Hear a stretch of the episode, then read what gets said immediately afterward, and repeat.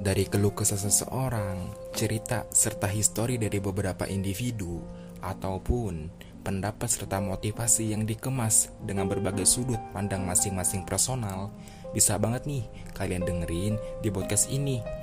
Dan jangan lupa untuk tetap dan selalu dengarkan podcast kursi kosong eksklusif di Spotify.